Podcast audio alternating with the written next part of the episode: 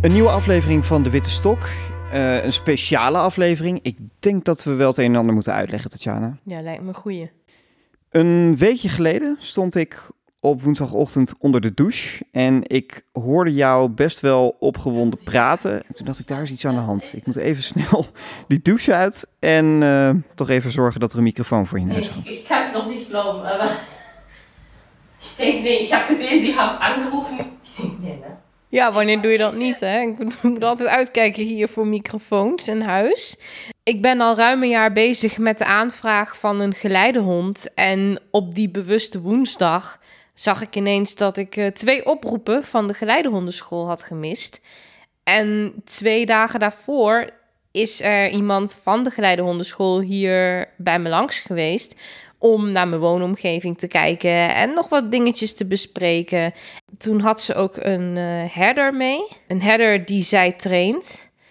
En ze zei tegen mij van eh, ja, zij is in de laatste trainingsfase en er moet nu alleen nog even ja, zo'n beetje de laatste puntjes op de i en dan eh, komt ze naar een andere eigenaar.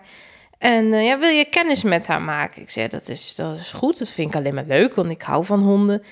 En eh, Greta liep gelijk op mij af en eh, gelijk snuffelen en knuffelen. En nou ja, ik eh, was eigenlijk op slag verliefd op, op die hond.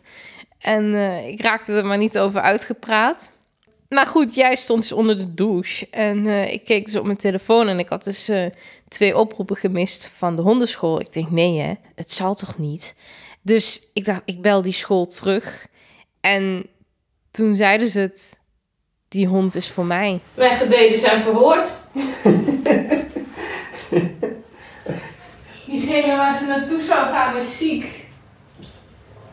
En ze wisten niet, bij wie kan zij nu terecht. En dit was gewoon een geplande soort van match. Oh, wauw. Toen wist ik eigenlijk ook niet hoe ik het had. Toen, eh, toen ik klaar was met het telefoongesprek, ik had gelijk duizend vragen en, en duizend dingen die door mijn hoofd spookten. En ik, ik wist eigenlijk niet waar te beginnen. Ik was eigenlijk gewoon een beetje ontredderd. Ik had eens, ik moest nog zoveel doen op die dag. En, maar ik kwam eigenlijk van ja, bijna niks kwam er wat terecht. Omdat gewoon mijn hele gedachten eigenlijk alleen maar daarbij zaten. Ja, want wat, wat was je oorspronkelijke verwachting? Nou, mijn oorspronkelijke verwachting was dat ik ergens begin 2021 een gesprek zou hebben bij de geleidehondenschool. En om dan eventueel te bekijken, is er op dit moment een hond bij hun in opleiding, in training, die met mij matcht. Ja, en nu kunnen we ook wat vertellen over de Witte Stok en wat daar gaat gebeuren. Want eh, we hebben een aflevering 4 beloofd. En die gaat er ook zeker komen. De aflevering over offline toegankelijkheid. Maar ja, dit is toch veel te leuk. Hier moeten we toch iets mee. En dat gaan we ook doen. In de Witte Stok kun je dus het, eh, het hele traject gaan volgen. En wat kun je zoal verwachten? Nou ja, de trainingen dus. Maar ook, ja, hoe, hoe is dat nou om ineens een, een, een hond in huis te hebben? Nou ja, ik denk ook gewoon de dagelijkse belevenissen met Greta, inderdaad. Hoe is het ineens om s s'avonds laat nog de deur uit te moeten, s morgens vroeg? Ehm, ja, gewoon, gewoon die hele beleving. En hoe is dat voor ons? En mijn omgeving. Ik denk wel ook dat ik soms ook wel zou denken... God, was ik er maar nooit aan begonnen? Nu is het zo, ik heb mijn stok. Nou ja, die hang ik aan de kapstok en dan is het klaar. Maar ja, een hond moet je toch ook wel verzorgen, ermee spelen, ervoor zorgen dat ze een keer lekker kan rennen. Dat soort dingen allemaal. Het, het is gewoon een huisdier wat je tegelijk ook heel goed kan begeleiden. En ja, en zij, zij zal altijd met me mee op pad gaan. Ook de struggles die we daarbij tegenkomen. Ik ben daar gewoon ontzettend benieuwd naar. Greta, zo heet je hond. En eh, ze is twee. Wanneer komt ze? Ze komt al op 11 januari. En dat, want dat is nog niet helemaal zeker, hè? Want Nee, dat is nog niet helemaal zeker, want we zitten nu natuurlijk in, eh, in de lockdown. En eh, hier in Duitsland is het tot 10 januari eh, zo zoals het nu is. En mochten daar nog dingen in veranderen, ja, dan gaan er ook wat dingen veranderen in het traject Greta. Ja, mocht dat allemaal gewoon doorgaan zoals het de bedoeling is, dan komt ze op 11 januari. En dan moet je je voorstellen, hè? Ik heb nog helemaal niks in huis voor haar. Ik, ik, ik heb nog totaal niks aangepast voor haar. Dus ja, er gaat nog zoveel gebeuren. Nou, we nemen je mee in deze podcast en we laten je ook wat, uh, wat dingen horen. Um, om daar nu al even een voorbeeldje van te geven. Je hebt je ouders natuurlijk over de hond verteld. Nou ja, dat was eigenlijk ook een beetje uh, jouw idee uh, toen ik ophing. Jij hebt nog een keer geattendeerd van, joh, bel de school nog een keer terug en vraag of ze een foto hebben van Greta. Want iedereen is natuurlijk nieuwsgierig naar uh, hoe ziet zij eruit. De dag erna, ik moest dus nou ja, een hele dag mijn mond houden, want ik wilde het niet op afstand aan mijn ouders vertellen. En tussendoor hebben mijn ouders heel even gesproken aan de telefoon. En dat was best moeilijk. Dat was echt niet leuk. En toen, uh, toen we daar dus waren, toen heb ik die bewuste foto in onze familie-app gezet. Habt ihr kurz Zeit? Hä? Ich würde euch nämlich jetzt was schicken. Okay. Was willst du uns? Was schicken. Oh, wer ist er denn? Das ist meine Greta. Die kriegst du? Die krieg ich. Okay. Greta. Oh, ist, wie alt ist die? Zwei. Ist die schon so alt? Ja. Je hebt een slap oor. Ja, Was de reactie een beetje volgens je verwachting? Ik had niet gedacht dat ze zo uitbundig en enthousiast zouden zijn. Want mijn ouders moesten aan het begin, toen ik hen vertelde dat ik uh, het plan had om een uh, geleidehond aan te vragen, omdat ik nu heel veel op pad ben en omdat ik nu in mijn eigen omgeving wat mobieler ben geworden door mobiliteitstrainingen die ik heb gehad. Toen waren mijn ouders er wel enthousiast over. En, en ze begrijpen het ook wel. Maar ze hadden toch ook zoiets van: hoe gaat het dan allemaal? En toch wel heel afwachtend.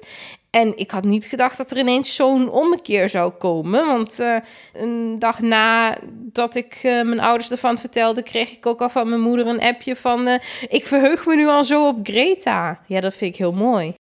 En 11 januari, de training begint. Wat verwacht je ervan? Nou, ik verwacht van de eerste weken dat het ontzettend zwaar gaat zijn. Dat het uh, ontzettend intensief is. Want het is een traject van drie weken. Waarin je dus alles onder de knie moet krijgen.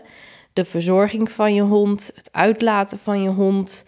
Het leren lopen in tuig. Uh, routes oefenen. Gehoorzaamheidstraining. Dus het is nogal een druk programma. Dus ik verwacht dat ik uh, s'avonds wel ontzettend uitgeteld ben en dat iemand voor mij kookt. um, en, um, maar ik verwacht ook dat, uh, dat het me heel veel vreugde gaat brengen als dingen goed gaan. En ja, ik, ik vind het gewoon zo heerlijk dat je dan gewoon rechtop kan lopen en niet de hele tijd met je stok hoeft te pendelen en gewoon op iemand kan vertrouwen ja, die, die je gewoon volkomen vrolijk en enthousiast de weg wijst, maar ook op tijd stopt voor een stoep, een, nou ja, een, een, een, een oversteek.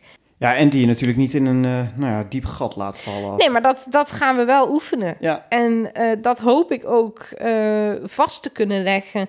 Um, dingen die zij geleerd heeft, waar zij voor moet weigeren. Ook al zeg ik dat ze door moet lopen, moet zij weigeren. Dat soort dingen gaan we oefenen. Dat je niet van het perron afvalt.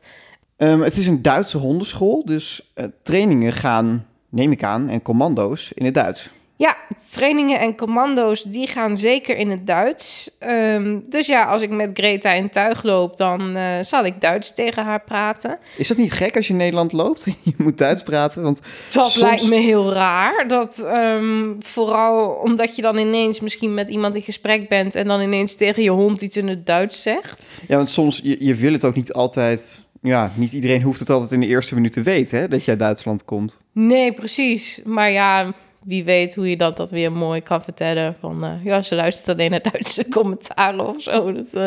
Ja, wat we weten is dus dat ze met een ja, zeer grote waarschijnlijkheid op 11 januari gaat komen. Mocht dat nou anders zijn, ja, dan verschuift natuurlijk ook uh, de eerstvolgende aflevering van deze special. Maar daar houden we je gewoon van op de hoogte via onze sociale kanalen. Dus Twitter en Facebook en Instagram. volg ons vooral daar. Aflevering 4, zoals gezegd, komt eraan. Maar dan wel later dan je van ons verwacht. Want ja, dit eh, krijgt natuurlijk wel een prioriteit.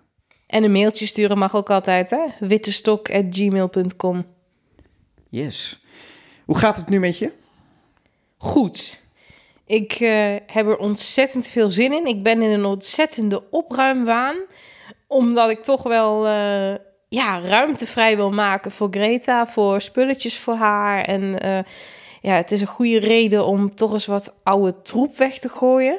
Ja, ik heb er zelf ook ontzettend veel zin in. Ik bedoel, ja, ik sta natuurlijk wel een beetje langs de zijlijn, maar... ehm, dus Nou nee, dat, dat denk ik niet. Want eh, jij gaat zeker ook een grote rol in, eh, in haar leven spelen.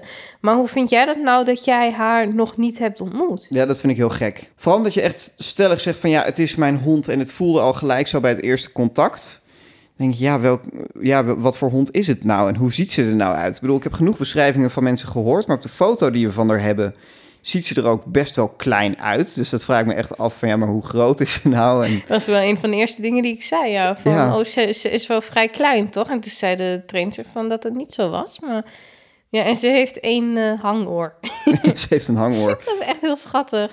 Ja, spannend, dat is het zeker. eh, Voor ons allebei. En we gaan eh, ja, 2021 toch met een, met een opgewonden gevoel in, mag nou ja, zeggen. vergeet niet, het is spannend voor ons, maar het is ook spannend voor Greta. Want ze is geboren, is natuurlijk als pup bij de moeder geweest. Toen is ze een jaar in een eh puppy-pleeggezin geweest. En toen is ze bij de trainster geweest om, om, om daar van alles en nog wat eh, natuurlijk aangeleerd te krijgen, zodat ze dit geleidewerk kan doen. En nu komt ze dus eh, volgende maand bij mij wonen. Dus dat is voor haar ook spannend. Ook weer een nieuwe omgeving, weer nieuwe personen, weer alles opnieuw ontdekken en leren kennen. En dat lijkt me voor haar ook soms wel pittig. Ja, zeker. En dan, eh, nou ja, het is niet tussen haakjes, maar een gewone huishond. eh, maar ook nog eens een hond die, die daarnaast eh, ja, een takenpakket heeft. Dus ja, dat is dan natuurlijk nog extra druk die, die op haar schouders rust. Ja, nu moet ze voor het echtje. Nu loopt de trainster met haar met een stok en doet alsof ze het allemaal niet ziet. Maar straks loopt er echt iemand achter haar aan met een stok die het niet ziet.